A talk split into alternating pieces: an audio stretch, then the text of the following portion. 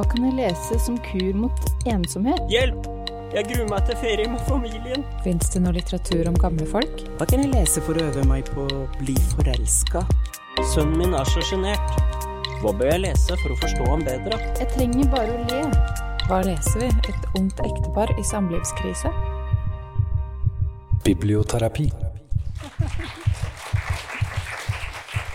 Tusen takk, Brage. Veldig hyggelig å se dere og eh, snakke til dere som hører på. da.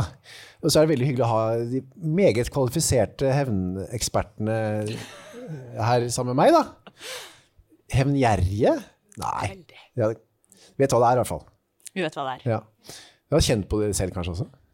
Ja, det er ikke fritt. Eh, Ja. Det kan vi innrømme alle tre her, at vi har kjent på he- hevnbegjæret. Vi skal komme tilbake til det.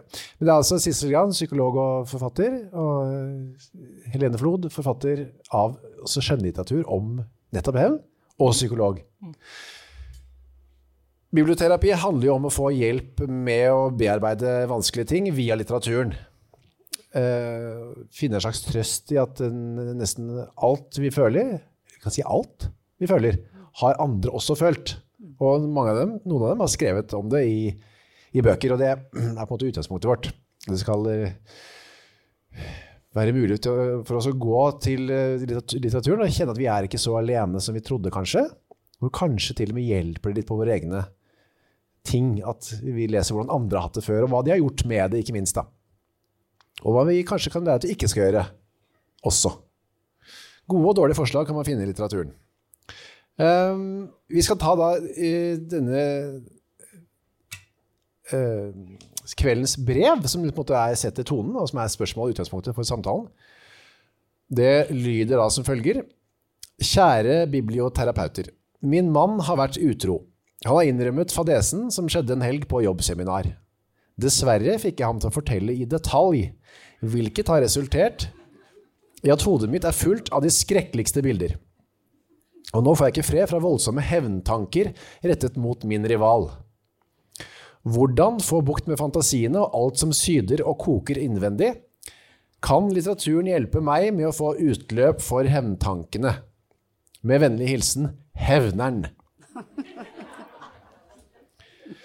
Ja, Hevn er jo, det er jo, det er jo et klassisk tema i litteraturen. og Dere har jo med dere en liten stabel hver. Sissel, har du lyst til å komme med noen eksempler på hvordan hevn altså, har vært et motiv i, i litteratur?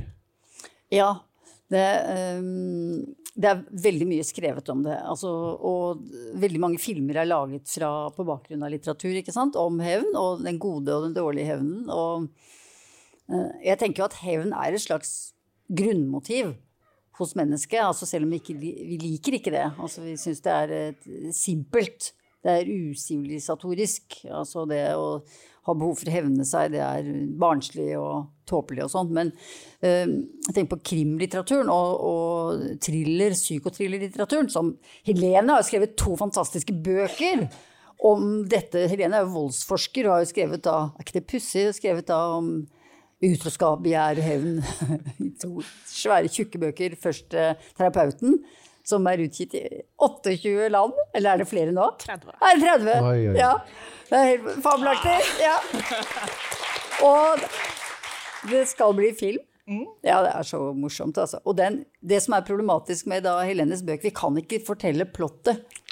Fordi dere skal lese de bøkene. Altså den andre boken som du ga ut for ikke så lenge siden, som heter 'Elskeren'. ikke sant? Den, det, det er, her er det utroskap, her er det skjulte motiver, her er det vanskelige relasjoner, her er det svik, eh, begjær, og det er eh, altså de veldig store, sterke tingene, men veldig, beskriver det veldig nydelig, ikke sant, og veldig sånn, og litt langsomt dvelende, som at man får litt sånn uhyggefølelse, og det er jo det vi liker, altså i dette landet særlig vi, elsker jo krim eh, og psykotrillere. Vi syns jo det er utrolig deilig. Det er, hva er det med nordmenn, altså? Men, men er, vi er veldig glad i det, det. Men vi kan ikke si Vi kan ikke røpe hvem som er hevnerne Nei. i dine bøker. Det er vel bare det at vi i det hele tatt snakker om at de bøkene handler om hevn, er vel litt sånn spoiler i seg selv? eh, Kan det stemme, eller? Ja, på et vis, altså. Men det, ja, og kanskje en enda verre spoiler er å si at eh, forfatteren er ikke nådig med Hevneren? Eh, heller ikke hevneren. Altså ikke nådig med de utro, heller ikke nådig med hevneren. Ikke sant? Sånn at det, det er, um, ganske uh, Hva skal vi si Det er, uh, en veldig hard forfatter, da. Når det kommer til denne problematikken. Ja. Så, det, så de eh, bøkene til Helene, de, de eh, hva skal jeg si, nører ikke akkurat opp om at det er fint å være utro, det er fint å hevne seg. Nei. Eh, til begge deler. Nei. Jeg har, ikke, jeg har ikke noe føye til der, så jeg syns det var helt nydelig. Har du Helene, noen eksempler på litteratur med hevn som motiv?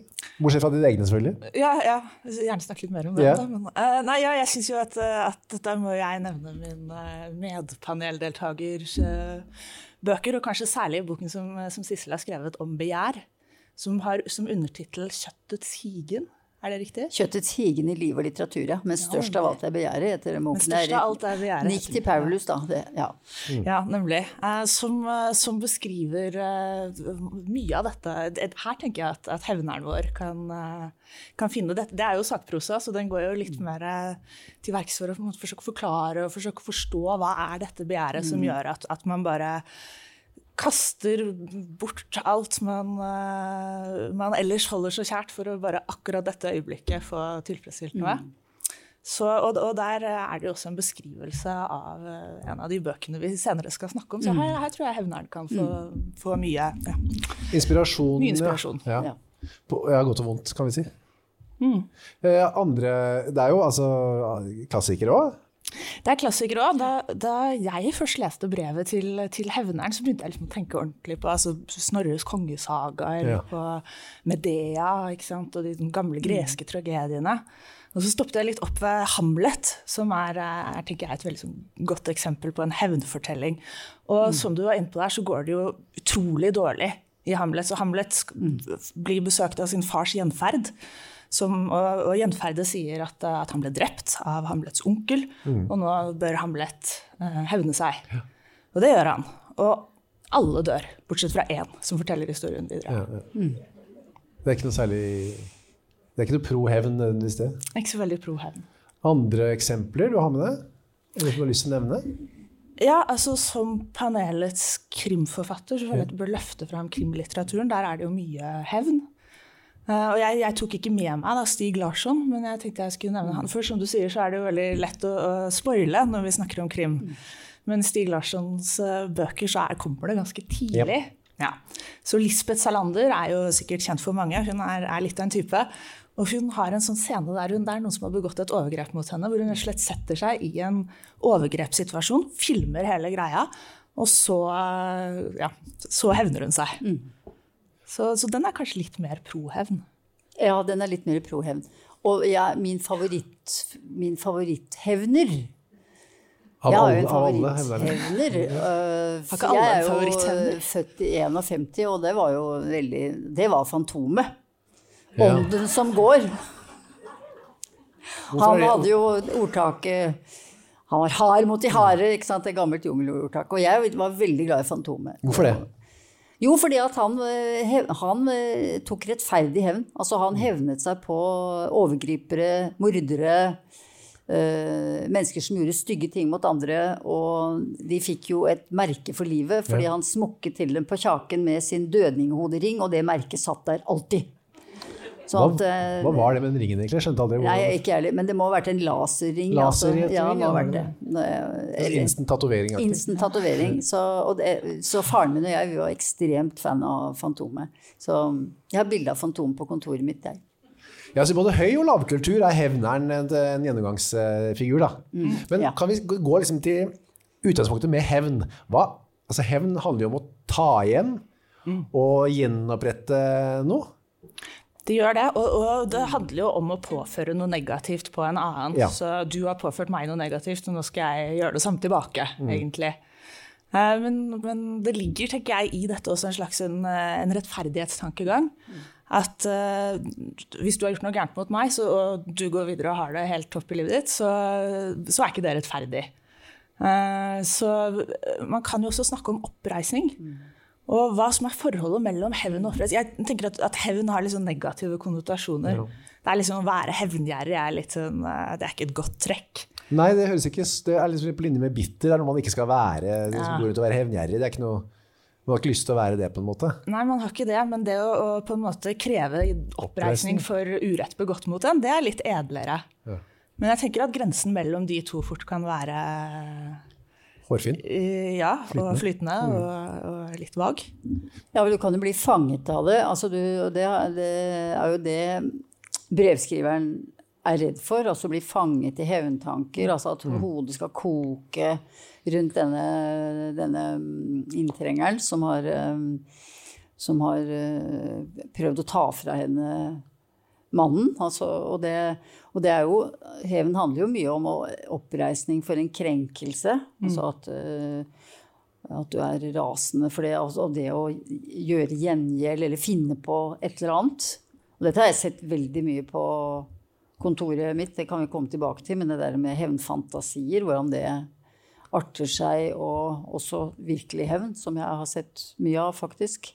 Noen ganger går det fint, andre ganger går det ikke fint. Um, men hvor jeg på en måte oppfordrer mer til hevnfantasier enn, virkelig, enn hevn i virkeligheten. Men man kan jo også drukne i hevnfantasier. Det, og da lager du ditt eget fengsel, på en måte. Og det er jo det brevskriveren er redd for. da, Å havne i det sporet der og bare drive og tenke på detaljene. Og så er det jo én ting med det brevet, det kan vi kanskje snakke mer om. Det er jo det er veldig farlig å spørre om ting du egentlig ikke greier å takle. Altså det å få alle detaljer uh, i noe som har skjedd, altså en utroskapshistorie. Altså da skal du, og det, men der er vi jo så skjødesløse med oss selv, for vi skjønner jo ikke våre egne grenser eller våre egne svakheter. Så man kan komme til å kreve voldsomt at du skal fortelle alle detaljer. Hvor var dere, hva gjorde du, hva slags sex hadde dere, hva gjorde han med deg, og hvorfor gjør du ikke det med meg? Altså veldig detaljert på det. At det det er jo en form for eksorsisme, altså faktisk å drive med det. Altså å drive ut utroskapspartneren og liksom være krinkelkrok i din partner. da. Altså at du Er det et kontrollbehov i det òg? ja, så er det en Vite gjenerobring. alt som har Ja, skjedd. vite alt som har skjedd. Ja. Og så er det gjenerobring. Jeg skal ta igjen for altså, Jeg skal være på alle de stedene i deg, og alle de stedene dere var, for å gjenerobre deg, for å, for å på en måte kaste inntrengeren ut. For noen fungerer det veldig bra, for andre så er det så er det, da koker hodet, altså. Så det å be om masse detaljer kan være veldig risikabelt. Men har du noen gang anbefalt hevn? Virkeligheten? Du, det, Helene, det, eh, Ja, jeg vil ikke si noe mer om det. Sissel, vent litt med det svaret der. For vi, kommer, det, vi skal litt tilbake til uh, konkrete råd. Uh, og er det noe hevn som fungerer og ikke fungerer. Jeg, bare- jeg bare lurer litt på om er, det- er det noen som er mer disponert for å bli for hevntørst? For jeg for eksempel blir veldig sånn hevngjerrig i trafikken. Ja. Hvis, hvis noen eh, ligger i kollektivfelt og legger seg inn foran meg, eller Husker du det var en fyr på Manglerudsenteret som hadde parkert bilen sin sånn at jeg ikke kom inn i min bil. Han var helt inntil. Så jeg måtte gå inn, men så kom han. Idet jeg skulle liksom gå inn fra passasjersiden. Så sa jeg du må jo ikke stå sånn. Da følte jeg meg veldig voksen som sa fra i det hele tatt. Istedenfor bare å svelge det. Så, så ble han sånn sur, han ble helt sånn frekk, og så sa han ja, du sto jo langt innpå min. Og det gjorde jeg da ikke. Jeg sto godt innpå de hvite dumme linjene. Så jeg, fremdeles, dette er to-tre år siden, når jeg er på Manglersenteret, så drømmer jeg meg å møte han igjen. Og da skal jeg virkelig sette det på plass. Hva skal du si da? Ja, det lurer jeg også på. Jeg sto faktisk innenfor, eller sånn, skal jeg ripe bilen hans eller sparke den? Sånn. Men sier det noe om meg, at jeg er litt sånn lettkrenket på litt sånn dumme ting? Det, er sånn, det er ikke noe positivt for meg at jeg går og tenker på det fremdeles? Ja, Det er fordi det barnet i deg fortsatt lever, da. Altså, Ja, det kan du si på en For det er jo sånn, Vi er jo fem år, altså, og særlig i bil så blir vi fem år, ikke sant. Og det, derfor Ja. er det litt Ja. Ja, for det er det barn i det barnet. ja, det er det barnet som blir så Å, du tok leken min! Altså, det er litt sånn, og du du tråkket på den streken, og den var min. Altså, det er litt, vi blir jo fem år noen ganger, og det er Og derfor så tror jeg det sitter så Jeg har også sånne. Du har det? Ja, igjen så tenker jeg at det er, at det er et, eh, rettferdighetssansen der. At, at du er, her er du urettferdig anklaget Veldig. for å parkere over den hvite linja. Det gjorde du ikke. Nei, jeg gjorde ikke det. Og, og det erkjenner ikke han. Og det har han å erkjenne. Han hadde sånn irriterende sånn uh, kabriolet som kan brette opp uh... Alt var liksom feil med han fyren der, da. Men det er, handler om altså, den krenkelsen som gjør at man får lyst til å ta hevn. Da, eh, en av tingene er at man kan bli, sånn som jeg blir da, føler jeg sånn, som fem år, som du sier, Sissel. usynliggjort, liksom holdt nede, tråkka på, gjort liksom sånn maktesløs på en eller annen måte. Og det er jo litt man gjør noen er utro mot deg, eller noen eh, utfører en eller annen sånn urett overfor deg. At du blir, og som i altså hovedpersonen i den boka som vi straks skal snakke om, fullstendig fratatt kontroll over eget liv. Da. Det er noe med det at man blir eh, maktesløs, eller at det er, en- det er en, en sterk motor for den hevnlysten. Ja, man blir gjort liten, og så Ja. er det kanskje en måte å gjøre seg stor igjen på. Ja. Eller gjøre den andre liten. ja, det er det, ja. Å gjøre seg stor er å gjøre den andre liten, eller man, det er det i hvert fall en måte å gjøre det på. Det er riktig, ja. Men var det svar på at er jeg litt sånn dum da, eller barnslig som går og tenker på det, eller? Det med barnet i deg, det syns jeg var Ja, det er godt sagt. Det er diplomatisk sagt, ja. Det er sant, det. Ok, vi, kan, egentlig, vi har jo bedt dere om å ta hver deres, finne fram hver deres liksom, hovedbok da, som tematiserer dette med hevn. På veldig forskjellige måter, kan vi si. Og vi kan begynne med deg, Helene. Um, du har en bok som heter Du kan fortelle selv. Ja, den heter eh, Skal prøve ikke å velte alle bøkene her. Eh, 'Samtykke' heter den. Den er eh, fransk. Den er skrevet av Vanessa Springora. Og den har en litt sånn um, Uh, real world eh, forløper. Så Vanessa Springora hun har uh, i lanseringsintervjuer og alt sånn vært veldig åpen om at hun som 14-åring eh, innledet et forhold, kan man si, eller ble misbrukt, kan man kanskje like gjerne si, av en forfatter som var nesten 50 da dette skjedde. Og han var en veldig sånn velansett eh, forfatter. Han har vært egentlig utrolig åpen om at han eh, er Han vil vel ikke bruke ordet pedofil, men at han eh, først og fremst liker å ha sex med barn. Ja, og Det syns han er fint. Gutter og jenter. Og prepubertale, helst. Um, og um, Ja, blant annet noen unge gutter på 8-9 år i. Manila han har Ja. om et essay. ja. Og dette har han, har han på en måte publisert og vært helt eh, åpen med. Og, Og, dette, er, altså, dette er reelt. Dette er, dette, Ja. er- dette, er, en ekte forfatter. dette er en ekte forfatter. Han lever fremdeles. Ja. Og han har, eh, så han har, har gått ut med dette og på en måte ikke egentlig møtt så kjempemotstand i det franske samfunnet. Da man kanskje har en tanke om at kunstneren er fri, og på en måte dette er lidenskap, og man skal ikke være småborgerlig og liksom Uh, rynke på nesen av slikt. Uh, og her tar jo Vanessa Springora som et av disse barna til motmæle. Og eh, dette er egentlig en, en hevnbok, så dette er hevnen hennes, på en måte. Uh, og jeg bare har lyst til å lese et lite avsnitt. Kan vi bare si, Dette skjedde jo da på 80-tallet hun opplevde dette. her. Det tror jeg, ja. Og boka kom nå, så det, Ja. det jo, eller i fjor, eller hva det var. Ja. Så det har jo modnet eh, lenge. Det har modnet lenge. Og hun er jo nå er jo voksen og jobber i forlagsbransjen og har på en måte uh, ja, har ord i sin makt da, og tar, tar til motmæle.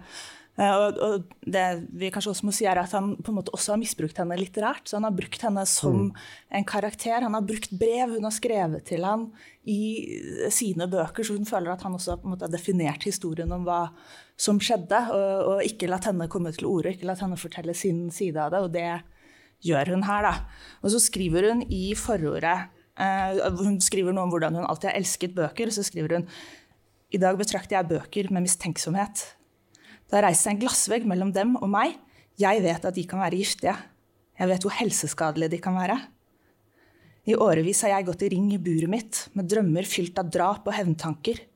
Helt til den dagen da løsningen endelig dukket opp rett foran øynene på meg, som den mest innlysende av verden. Fang jegeren i hans egen felle, steng ham inne i en bok. Og det gjør hun, da. Så hun beskriver fra barnets synsvinkel hvordan hun forelsker seg i denne mannen, som er voksen, velrespektert, og som ser henne på en måte hun ikke har blitt sett tidligere. Uh, hvordan han misbruker henne, hvor forferdelig nedbrytende det er for henne. Og ved å gjøre dette så hevner hun seg. Og i den virkelige verden så har denne mannen blitt eh, sparket fra forlaget sitt. Og han har eh, på en måte tapt veldig mye da, av, av denne boken. Så når vi leser den, tenker jeg, så blir vi litt sånn, vi blir jo litt hevngjerrige på hennes vegne. Vi syns at hun skal få en oppreisning, og så får hun det i, i den virkelige verden. Så det kan jo hevneren i vårt brev kanskje eh, få liksom godte seg litt med, tenker jeg. Ja. Det er jo også litt det hun gjør, det med å ta tilbake måte, som var inne på, kontrollen. For han, det han gjorde, var jo å ikke bare misbruke henne selvfølgelig, eller ha et forhold til henne. Men også, som du skriver, skrive masse om henne og gjøre til en, en slags eh, bifigur da, som gjorde at hun selv ikke hadde kontroll over eget liv. på en måte. Eller hvem hun var, eller at han eide historien da, om dem. Og det er jo det hun gjør det motsatte av her, da. Og gjør han til en, på en, måte en bifigur, eller en Det er hun som skriver hans og deres historie. Det Så hun det. bruker hans eget våpen tilbake mot ham. Hun gjør det. Og så blir hun så til de grader hørt når hun gjør det, og det er litt tilfredsstillende. Ja, for den boka her vakte jo, så vidt jeg har skjønt, enorm oppsikt i Frankrike. da. Og det er, eh, dette har det stått mye om i norsk presse. Jeg, eh, jeg er gift med en franskmann som mener at det er litt unyansert. Men, eh, men det har vært mye snakk om at det er en lovendring som nå er kommet eh, om seksuell lavalder, som, som har, har kommet på vegne, nei, eller etter denne boken. At den boken har vært en utløsende faktor i å få på plass den lovgivningen. Ja, fordi Frankrike virket som de var ikke så opptatt av det, men sånn, det var ikke så farlig, det der. Og jeg har inntrykk av det når jeg leser den boka der, at alle, Derrida, altså Sartre og Derrida og Simone de Beauvoir, har støttet. For han skrev et essay, eh, et eller annet med de under 16 år, eller et eller annet sånt. Kjærlighet til de under 16. Ja, og det var liksom flott, da, fysisk kjærlighet til veldig unge barn. For de er liksom ubesudlede, og det, er liksom, det er en ren kjærlighet. Det, sånt. Og det ble sett på, som du var inne på, en, som en sånn frigjørende holdning. Da. Så hun, har jo da, hun hadde da hele litterære etablissementet i Frankrike imot, imot seg i utgangspunktet. Da. Ja, hun hadde det. Og så har hun også en mor som har, vært, som har jobbet inn i denne bransjen, og som eh, er, også er litt sånn fascinert av at eh, Eller de dørene på en måte dette vennskapet med denne mannen åpner. Ja. Så hun eh, beskriver også det, tenker jeg, hvordan hun sviktes av den forfatteren, men også av samfunnet rundt, som, som lukker øynene, skolen som ser at han venter utenfor og, og på en måte aksepterer det. Det medisinske samfunnet som eh, når hun havner på sykehus på et tidspunkt, også på en måte ser helt bort fra det, og også moren. Da. Moren som bare lar det skje. Ja, Inviterer ham på middag og ja, er liksom med på at nei, vi skal ikke si dette til Ja. politiet. Ikke sant? Men det som er skummelt, er jo at denne unge jenta forelsker seg, mm. tenker hun, i denne mannen på 50 år. Hun er 13 når de treffes. Og um, har romantiske, veldig romantiske følelser opp fram, ikke sant? Og føler seg sett for en gangs skyld, for hun har en far som er som en sånn flyktig vind, som aldri møter opp. Ja. Eh, og det er jo, og som hun beskriver da innledningsvis i boken, at alt lå til rette for at jeg skulle havne i den Ja. situasjonen. ikke sant? Ja. Med en mor som bare var alle steder, og en far som ikke var der i det hele tatt. En ensomhetsfølelse. Og så plutselig treffer hun en sånn Han var en flott mann på 50 år. Hvis du ser bilder av han er 50, så er han en flott, slank, flott mann med sånn barbert skalle, brun og veldig stilig og sånn. Med et stort smil og veldig elegant og Hun skriver han er karismatisk. det kommer et sånn middagsselskap, alle Ja. hører på det han har å si. Ja. Og så blir hun, og så er hun favorisert, ikke sant. Og hun er blitt på en måte neglisjert av sin egen far og sin mor. Det er liksom Det er mye ligger til rette, som hun sier, at mye på en måte Hun var liksom nærmest servert på tallerkenen, altså. Og så er det jo Hun sliter jo selv med sitt eget Hun vil ikke kalles et offer. Hun bruker jo årevis på å begynne å, på å forstå at hun har vært viklet inn i dette av en veldig manipulerende person. ikke sant? Og så var jo hele samfunnet, i, hele 68-generasjonen i Frankrike, de var jo veldig opptatt av seksuell frigjøring. At det var jo en forbrytelse mot barn og unge at ikke de skulle få kunne ha sex med voksne. Altså du snakker om idé, ikke sant? Ja.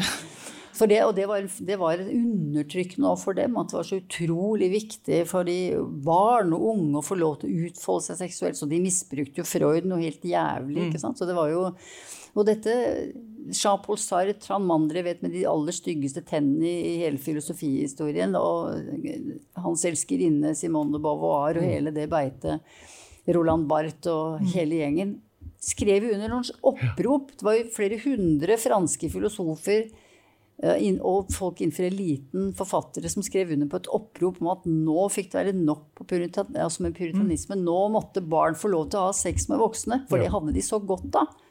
Så dette preget jo henne i Nå er hun 50 år, og nå skrev hun om det.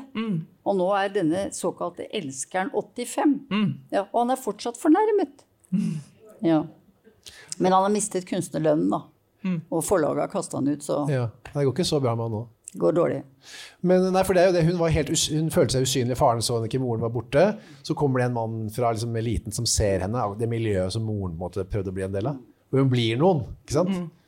Men så etter hvert så vrir han jo om henne til å bli noe hun ikke kjenner seg igjen i. Og når hele da det franske litterære og intellektuelle eliten støtter han, så er det jo vanskelig da, å ta igjen. Det er veldig vanskelig. Og så tenker jeg at det er en, del av dette det feltet på en måte også med overgrep mot barn. At det er en grunn til at vi har den uh, seksuelle lavalderen som handler om at, at hun er jo ikke i stand til å ta det valget. Så hun er kjempeforelsket. Moren finner det ut, og moren blir jo først uh, sinna. Men så sier dette, du må, jeg, jeg forbyr deg fra å se ham igjen. Og, men hun er så forelsket. Hun sier du kan ikke nekte meg dette, det er din skyld at faren min ikke sant? Eh, og um, ja, ja, ok, sier moren. Uh, men men det, det er jo sikkert helt reelt for henne der og da. Og, og så ettersom årene går, så ser hun men jeg var ikke i stand til å ta den avgjørelsen. Jeg var et barn, og noen andre skulle ha, på en måte, skulle ha beskyttet Ja, det er det samtykke som på en måte tittelen spiller på. Da. Ja. Hun sa på en måte da at det var greit, og det gjorde moren og alle. Men hvor mye er samtykke verdt? Ja, Du må være i stand til å gi et samtykke, Ja. og det er du kanskje ikke når du er 14. Men eh, Så da skriver du den boka nå da, i 2021, eller når det var? 2020? Og det får jo da, som vi er inne på, mange konsekvenser, bl.a. for han. da. G, som han kalles. Gabriel Jeg husker ikke hva han heter. det er Motsnov, eller Ja, ja. noe sånn russiskaktig. Men Vet vi nå hvordan det har vært for henne? Altså hvordan hun har det nå med dette? Ja, det har hun snakket om i intervjuer, og, og hun, eh, hun sier jo som sagt at, at dette er, og hun fanger overgriperen i en bok. Ja. Hun, eh, dette er en hevn på den måten. Eh, og samtidig så er hun vel aldri Hun er vel ikke noen sånn på en måte veldig forkjemper for hevnen heller. Altså, det er jo også en komplisert eh, handling. Det virker jo altså, liksom perfekt hevnaktig. Det er en drømmehevn. Det er på en måte en drømmehevn. Ja, fordi hun tar ham med hans egne våpen, som vi var inne på. Og det funker. Og det funker som bare det. Så det er ikke lett å tenke seg noen bedre måte å gjøre det på for henne, i hvert fall. Nei. Og så er, er spørsmålet, og det er jo litt interessant når vi snakker om hevn, altså er det, hjelper det? Funker det? Er det? Går du fra hevnen når motparten lider og tenker 'yes, nå er jeg tilfredsstilt, og nå blir livet mitt bedre'? Ja, det er det. Eller, eller er det ikke sånn? Men nei. Nei, for det er jo, det er jo det der med å gjenopprette en balanse. Det er kanskje ikke så tilfredsstillende som man uh, hadde trodd, men likevel så er det kanskje bedre enn ikke noe, eller? Ja, altså det er det, det, er det jo kanskje. Eh, Men, eh, men samtidig så er jo fokuset da på den andre, tenker jeg. Altså på, eh, på denne G mm. og hans uh, lidelse. Ja. Men man kan jo kanskje si at eller Nå tolker jeg, jeg vet jo ikke hva, hva hun tenker om akkurat det, men at det kanskje er vel så viktig å, å gjenerobre sin egen historie og si at sånn var det for meg, og på en måte få, få bli sett i det overtrampet som er begått mot henne, at det kanskje er vel så viktig som Hva som skjer med han, ja. ja, og, og hvilken følelse han sitter igjen Ja, med. ja. For det handler jo mer om han enn om henne, egentlig. Riktig. For hvis han da blir hovedpersonen igjen, på en måte, så blir det litt sånn Hun har jo sagt det hun skulle si, Ja. på en måte. Og Ja. gjort seg selv synlig og tydelig og, tatt liksom, og fortalt historien fra sin eh, synsvinkel. Da. Og kanskje det er, er gjenoppreisningen vel så Ja. mye som, eh, som hvor mye han lider. Ja. Jeg gossa jo med, jeg. Jeg gikk inn og googla og fant en sånn uh, artikkel fra New York Times. De hadde funnet han, for han rømte jo fra Paris og gjemte seg i et sånt hotell ute i Italia et eller annet sted. Jeg trodde, Så fant han journalisten han da. Der går han rundt og er bitter og forbanna. da. Ja. Han føler seg misforstått og forfulgt. da, Veldig forfulgt. Det er jo deilig å lese om. Så han har skrevet en hevnbok igjen som han kaller for Vanessa-virus. Har han det? Ja, det har han gjort. Oh, ja, så det er fram og tilbake nå. Den må han selvpublisere, da, for forlaget har jo kastet han uh... Riktig. altså De har fanget en sånn match de med bøker. Ja, Det var litt sånn apropos Vigdis Hjorth. Og at man skriver sånn, bok og motbok. Bok ja. Ok, men vi kan vel si at altså, eh, for liksom i, Det er ikke bare å skrive en bok som hevn. Altså en, før du velger en hevn, skrive en bok, det er jo, høres jo veldig flott ut, det, da, på en måte. Er jo bedre enn å ty til vold. Da. Ja, Men det, er apropos det, Sissel. Din perfekte hevn. Min? Ja, i din bok. Ja, den er jo Ja, den er annerledes. Ja, det er Ja. helt annerledes. Ja. Øh, det, altså, øh, jeg, I denne boka som jeg skrev om begjæret, så skrev jeg, så skrev jeg om, litt om hevn. Og da skrev jeg også om liksom, hvordan våre forfedre, da altså våre, Tilbake til ja, norrøn tid, sant, var veldig nøye med hevnen. Altså vi hadde hevnplikt i de nordiske samfunnene. Eh, og hvis du ikke hevnet deg, så kunne du drives fra gård og grunn. Ja. Altså det, var, det, var helt, eh, det var noe du skulle og måtte gjøre. Og det, eh, og det var, men det var måten du skulle hevne deg på når en urett var blitt begått mot deg. At du var blitt krenket. Det var sånn Uh, altså det var bare en tosk hevnet seg villska. Altså det, mm. de, de sa, altså det står i, i, de gamle skriftene at trellen straks seg hevner tufsen ingensinne. Og det var helt feil. Mens en skikkelig mann en skikkelig mann, han rettet opp en urett gjennom kaldblodig venting. Altså ja. han, gjorde, han, gjorde, det ikke overilet. Han gjorde det rett og slett eh, Og gjennom å vente så viste han selvkontroll. Det er det med hevn er best mm, eh, ja. rett som serveres best kald. Ja. Det var jo Vanessa Springårda veldig godt eksempel på. Da. Det er hun et veldig godt eksempel på. Hun har venta i så mange år, og så faller øksa. Ja. Så det er egentlig en norrøn hevn. en norrøn hevner. En norrøn hevner. Og det som er interessant, da, det er jo at um, jeg har funnet en bok Jeg er jo veldig glad i en forfatter, en islandsk forfatter som heter Jon Kalman Stefansson. Han skal snakke med Mimir Kristiansson her i morgen klokka sju! Ja. Han er i Norge antageligvis nå. Ja. Det, det var jeg ikke klar over engang. Og det er jo, han skulle jo vært her i dag. Mm. Og det, han har, uh, det er nesten så jeg tenker at han må jo være inspirert av denne den norrøne varianten av hevn. Altså det å, det å vente til, uh, til, du er klar, på en måte. Ikke gjøre det overilet. Tenke seg godt om. Finne den akkurat riktige ja. hevnen. Ja. Altså ikke la, altså, la offeret steke i sitt eget fett mm. lenge nok ja. til at det liksom eh, til at offeret forstår at nå er noe helt galt her. Altså, offeret her, det er han beskriver i denne boka som heter 'Sommerlys', og så kommer natten. Altså Jon Kalman Stefansson, fantastisk forfatter. Her er det et kapittel om et par, og det kapittelet heter 'Det som er beslektet med substantivet dommedag'.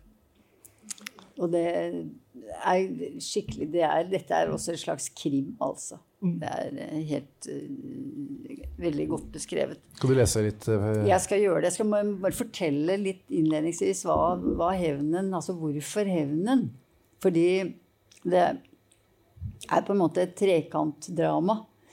Hvor da ja, bonden Kjartan bor sammen med kona Asdis på gård, gården sin på islandske bygda. og ikke langt fra der så bor Kristin sammen med mannen sin og svigermora og barn og hund.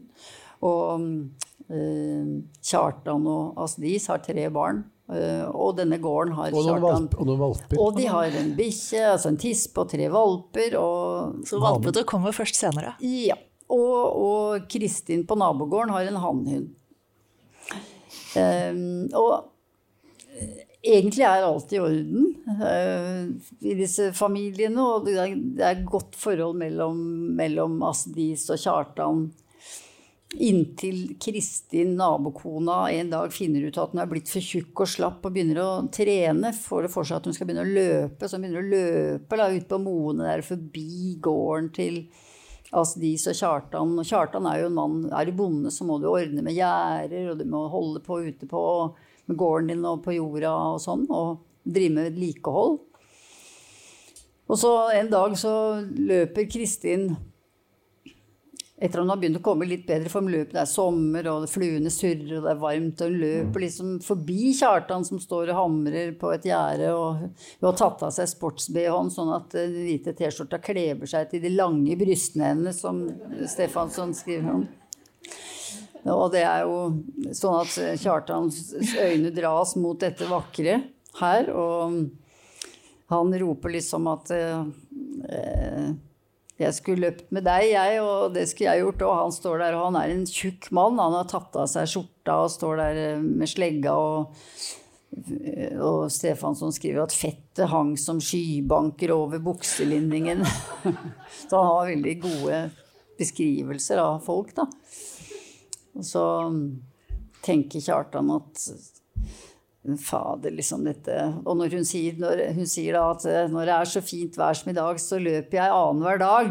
Det er jo en beskjed, ikke sant. Så, To dager etter så står han der igjen ikke sant? og tenker at eh, fader Ulland, han, han skammer seg ikke sant, over å stå der og syns at, dette, at han eh, sier seg sjøl liksom Jævler i heiteste helvete, sier han til seg sjøl. Kom deg hjem, din idiot. Og så, går det som det går, ikke sant? fordi da har de sett mye på hverandre. og så, det, så, er det en voldsom beskrivelse av en begjærspreget altså et, eh, Som ser ut som de slåss, men de gjør det ikke. altså ut på Mone der, så Det blir et enormt sånn seksuelt basketak utpå der.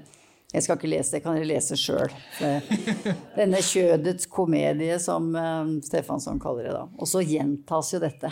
De greier ikke å slutte med det. De har dårlig samvittighet, og eh, Kjartan skammer seg forferdelig, men han greier ikke å la være. Og stadig så tar han seg turer utover der, og kona begynner å lure. ikke sant? Hva er det som skjer? Og så finner hun det ut at eh, For det kom jo for en dag, finner hun det ut via omveier og fordi Kristin har vært lettsindig og sagt det til venninne og sagt du må aldri si det til noen. Men har du sagt det til én, har du sagt det til alle. ikke sant? Og dermed er det gjort på den lille bygda der.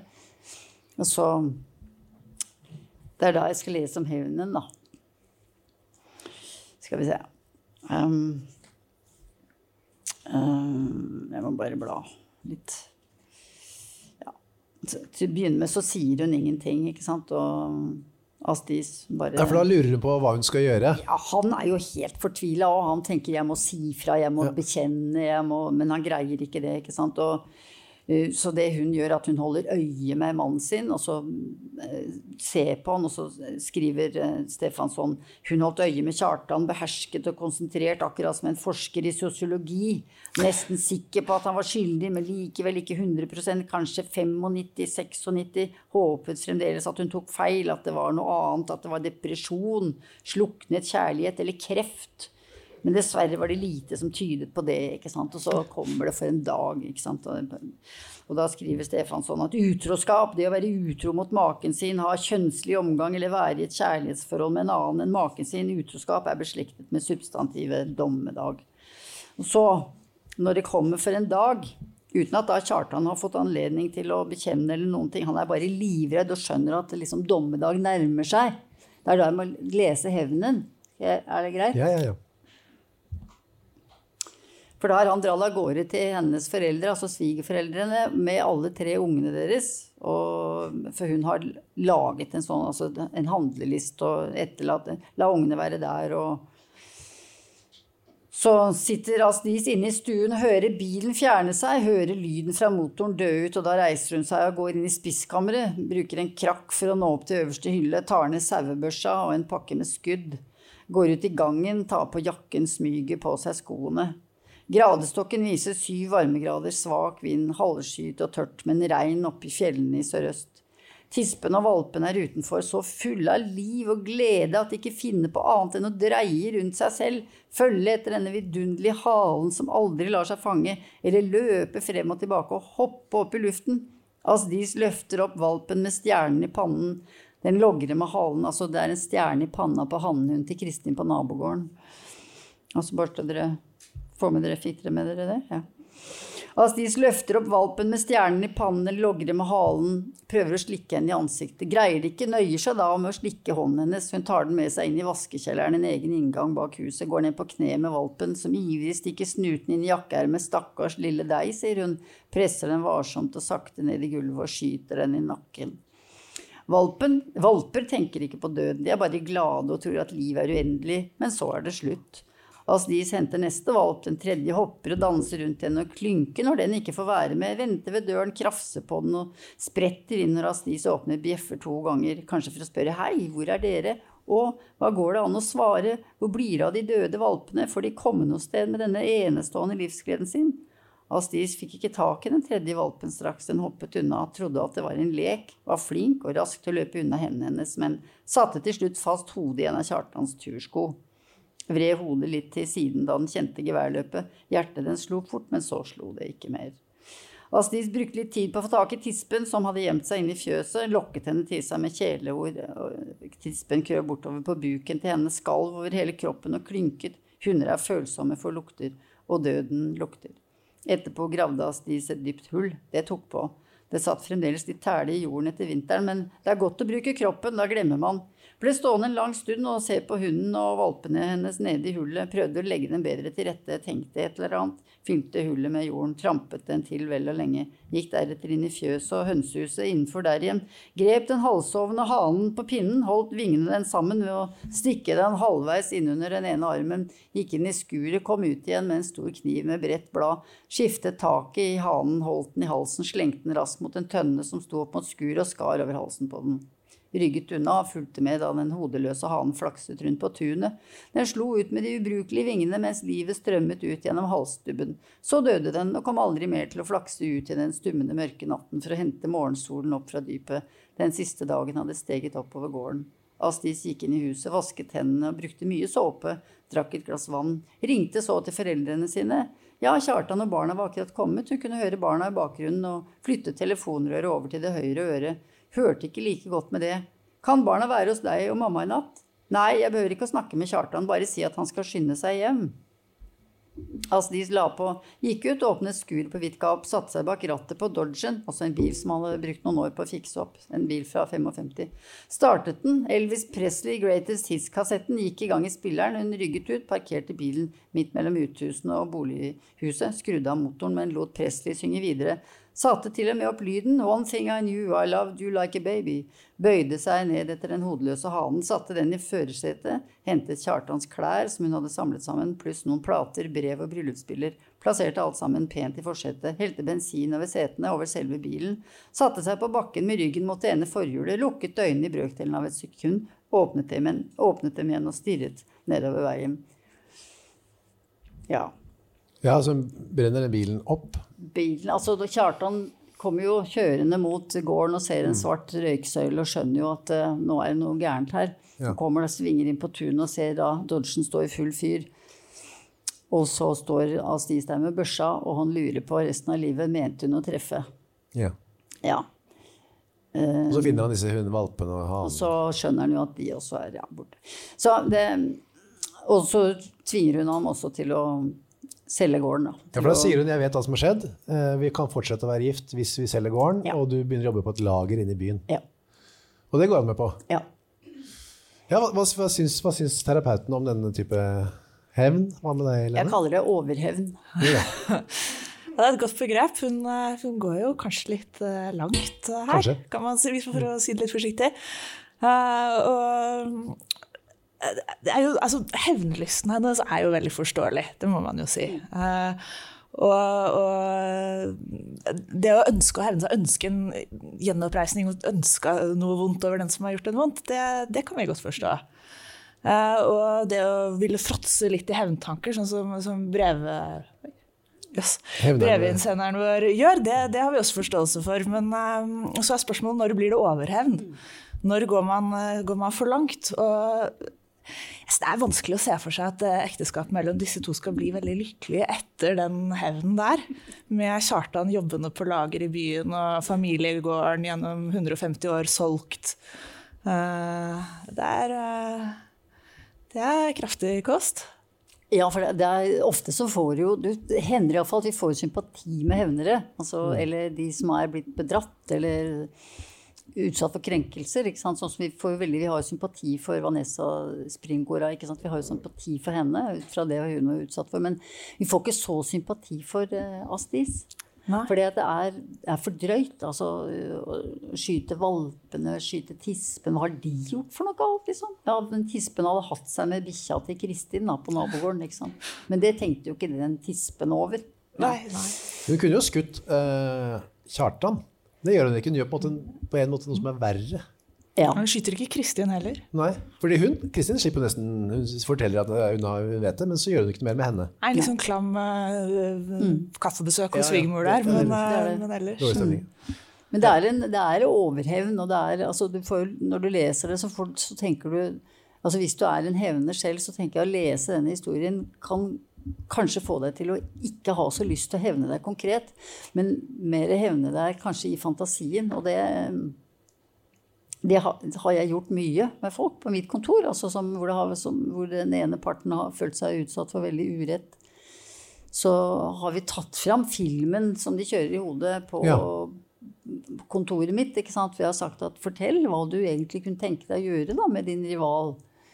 Eh, eller mannen din eller kona di som har eh, vært utro mot deg. Og det, eh, det kan fungere ganske godt. Men da tror jeg du må ha guide, altså. Fordi da er det ålreit å ha en terapeut som tåler det, og som kan kanskje hjelpe deg til å si fra om hva det egentlig er, at du egentlig er fryktelig lei deg. Ja. At du egentlig er eh, veldig skuffet, at du føler deg tråkket på liten, at ikke du er ond. At ikke du er at, um, um, egentlig, altså Hva slags følelser som egentlig ligger under. da. En sånn, sånne hevnfantasier. Men det har vært veldig morsomme hevnfantasier på mitt kontor. Altså. Hva da? Kan du røpe noen, eller? Kan du røpe noen? Ja. Um, ja. Eh, mange menn som har opplevd at kona har vært utro, de har jo drømt om eller hatt hevnfantasier om å stille opp på jobben hos den mannen som da har bepult kona deres, Ja. og skrike det ut foran alle hans ansatte at han er en horebukk og et svin, ikke sant? og fortelle nøyaktig hva han har gjort. Eller spraye ned bilen hans. Eller, eh, og kvinner forteller jo at de har drømt om å stå rope på utsiden av døra til elskerinnen at her bor det en hore, ikke sant? og skrive med svære bokstav bokstaver på døra at her bor det en hore. Masse sånne ting. Det er gøy at det er rope, at de skal ha, bruke stemmen til å rope Ja. ut sin eh, frustrasjon. Ja. da. Det er Altså, noe så det er sånn- voldsomt over dette. Ja, det er noe, ja, helt riktig. Det er noe veldig voldsomt over det. Og så har vi liksom Vi er- lever så pent og så ordentlig at vi glemmer på en måte at vi er ikke så ordentlig inni. Altså, vi har sterke følelser. Vi har voldsomme følelser når noen prøver å ta fra oss det som er vårt, eller tråkke på oss. Så har vi så har vi er sterke følelser i oss, men vi er veldig sånn drillet i å være disiplinert og liksom ta oss sammen og liksom Heve oss over det. Ja, heve oss over det. Altså, og, og klart at det kan også være hevn, det. Og, og for eksempel ikke, ikke snakke til din partner mer, da. For eksempel. Eller, eh, eller bare være kald, for eksempel. Altså, er Mer sånn passiv-aggressiv Ja. hevden? ja, det kan man gjøre. Ikke sant? Sånn, eh, det, er, det er mange måter å hevne seg på. Altså en hevnet seg ved å Kona hadde vært utro. Så hevnet han seg ved å være utro med hennes bestevenninne. Det er jo Det er øye for øye. Ja, Ja. Hvordan fungerte det? ikke så bra. For noen, kanskje? Nei. Nei, fordi det med, det med å ha hevntanker, som vi var inne på, det er jo noe sånn, som vi var inne på barnslig, sånn, sett på som litt sånn primitivt, da. Det er jo en primitiv følelse. Og det er på en måte eh, greit, på noe vis. da. Kanskje vi, kan vi ha det som en slags moral her, da. Men jeg tenkte på for eksempel, det slår meg alltid når jeg tenker på 22. juli. Og den reaksjonen som var da, var jo veldig at vi skulle være kloke og verdige og heve oss over alle primitive hevntanker og alt sånt. Og det var roser og veldig sånn fornuftig og flott, da, på en måte. Men samtidig så tenker jeg at det satt mange rundt omkring i Norge og følte på en ganske sånn sterk, primitiv hevnlyst overfor han som hadde gjort dette her, da. Mm, Men den, den ble liksom skjøvet vekk. Tror du det, var, det noe, altså, var det noe problematisk ved det? Er hvis man, når det blir én historie om hvordan vi reagerer, så Ja. er det, det, det passer veldig godt i en sånn fortellingen om hva vi i Norge gjorde. og Det er sikkert mange som er stolt over det. Ikke sant? Vi møtte terroren med kjærlighet, og ikke sant? andre møter den med å gå til krig. og Ja, ja. måte, var, ikke, var ikke det en fin ting vi gjorde der? Eh, Og det var det jo også. det var det også. og Det er mye vi kan, kan si om det. Men, men når det blir én historie om at dette er vår respons, så er, jo det problematisk for de som ikke kjenner seg hjemme i den responsen. Man hadde lyst til å kvele han og skyte han og henge han og liksom plage han og banke han opp. Det blir jo at man skammer seg Eller blir det det? At man kan skamme seg over Uff, jeg er ikke så flink til å være verdig som de andre. Jeg er et dårlig menneske som sitter her og har lyst til å liksom skyte den. da. Ja, dårlig menneske, og kanskje barnsligere. Altså, kanskje det er en voksen respons er å være verdig og si at ja, du er en, en terrorist, men vi hever oss over deg. Det er ikke vi, og vi er bedre Nei, enn deg. ja, ikke sant? Ja, men hva liksom skal vi si til det, da? Er det liksom, bør man være liksom, stå for det, eller hva skal liksom være terapeutenes råd til den som sitter med, sånn som vår innsender gjør, da, hevnetanker? Hva skal han eller hun gjøre med dem? Altså, jeg jeg syns det var veldig bra at hun eller han skrev inn til, til biblioterapeutene. Ja. Og, og går til litteraturen for å få utløp for, eh, for hevntankene. For her kan hun jo fråtse. ikke sant? Det noen eksempler, og det fins masse mer. Det fins masse filmer, og det fins masse kultur du kan, eh, der du virkelig kan, kan få utløp for, eh, for, hevntankene dine. Og så slipper du å gjøre det. Så slipper du å bli til Astis og, og skyte hundevalpene og, og, gjøre alt det der. Mm. Er det, er det så enkelt, altså? Mannen har vært utro. Her, les denne boken her, den er flott skrevet. Det blir litt sånn Så enkelt er det. Ja, så enkelt er det. Nei, det er, ikke, det er ikke så enkelt, men uh, det er jo ofte bedre å gå til tankene enn ja. å gå til um, til handling, da. Også, og selv når det gjelder hevntanker, så er det ikke sånn Kjempefint. Hvis du koser deg med det i en periode, så gjør det. Fråts i det.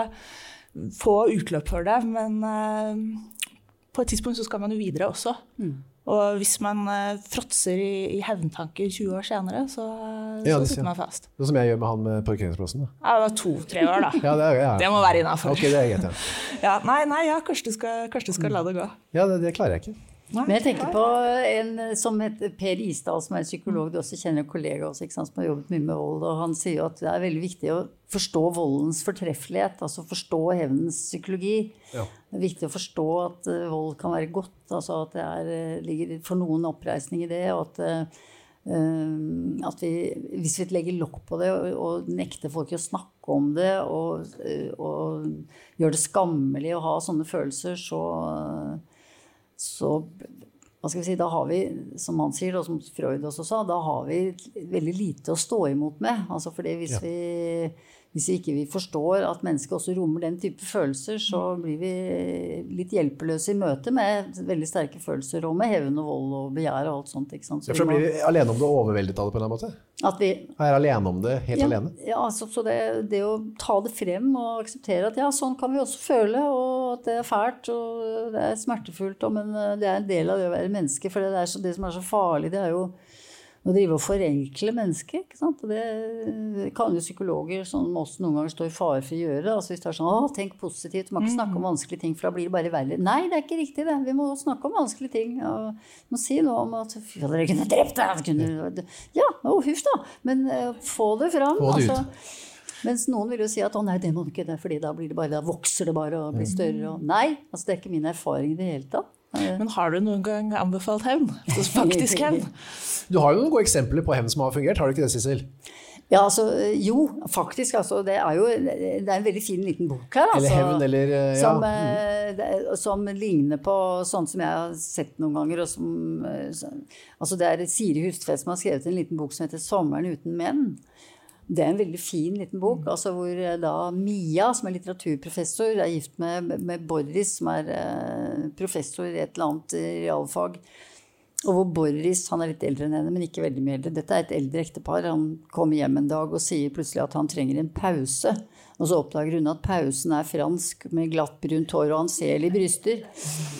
Og det, og det, så blir hun sinnssyk og lagt inn på asylet fordi at hun eh, går helt Dette er for grusomt, ikke sant? Og han drar av gårde for å, for å finne ut av livet sitt og være sammen med pausen.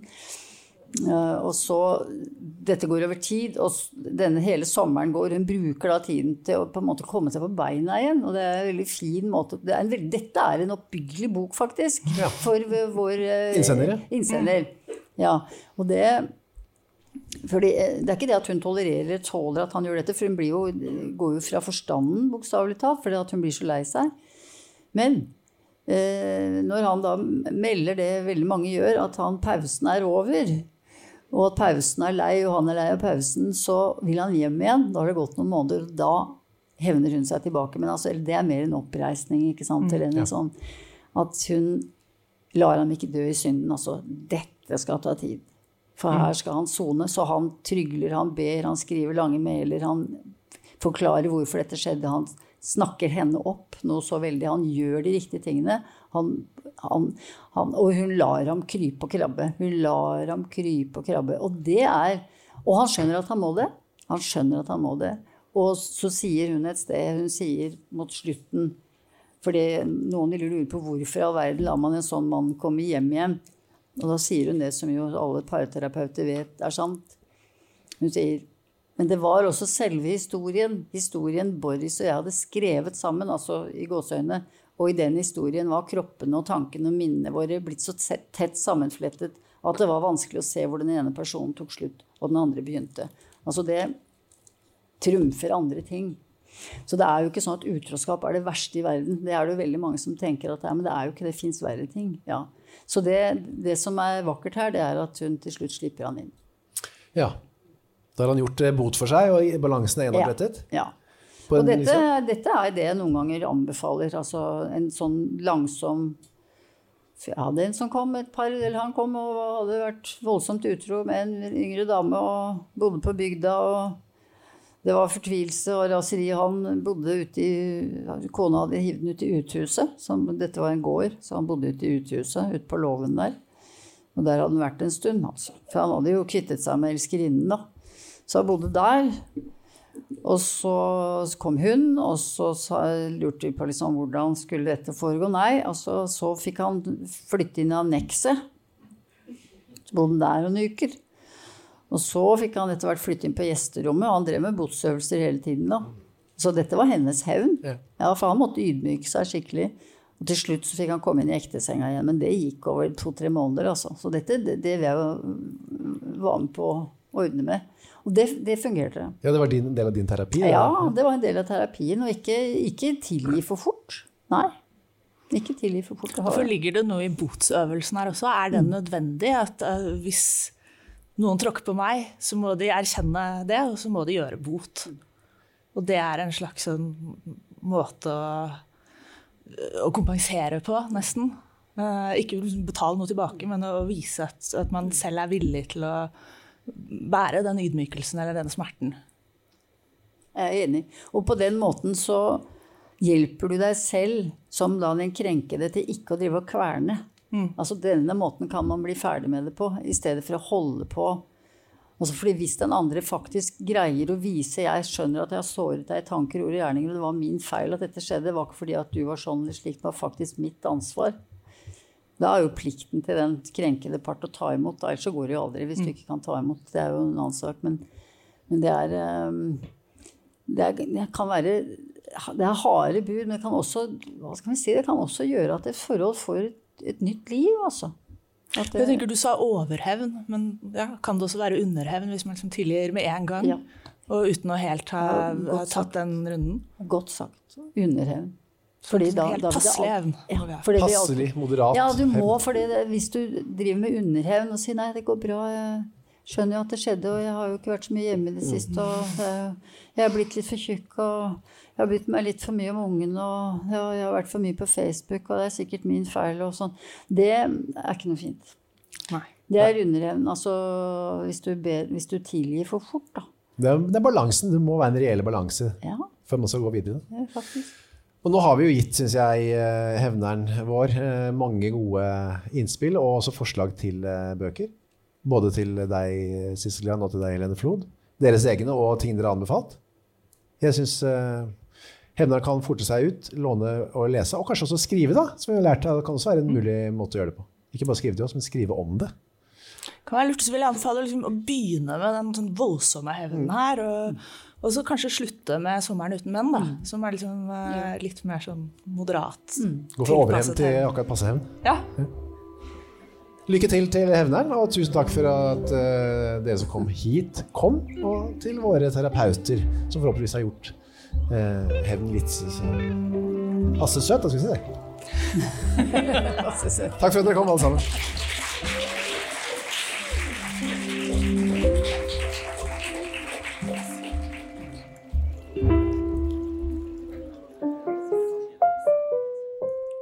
Har du et problem og ønsker råd? Send et brev merket biblioterapi til biblioterapi, alfakrøll, deichman.no. Dette er en podkast fra Deichman, hele Oslos folkebibliotek.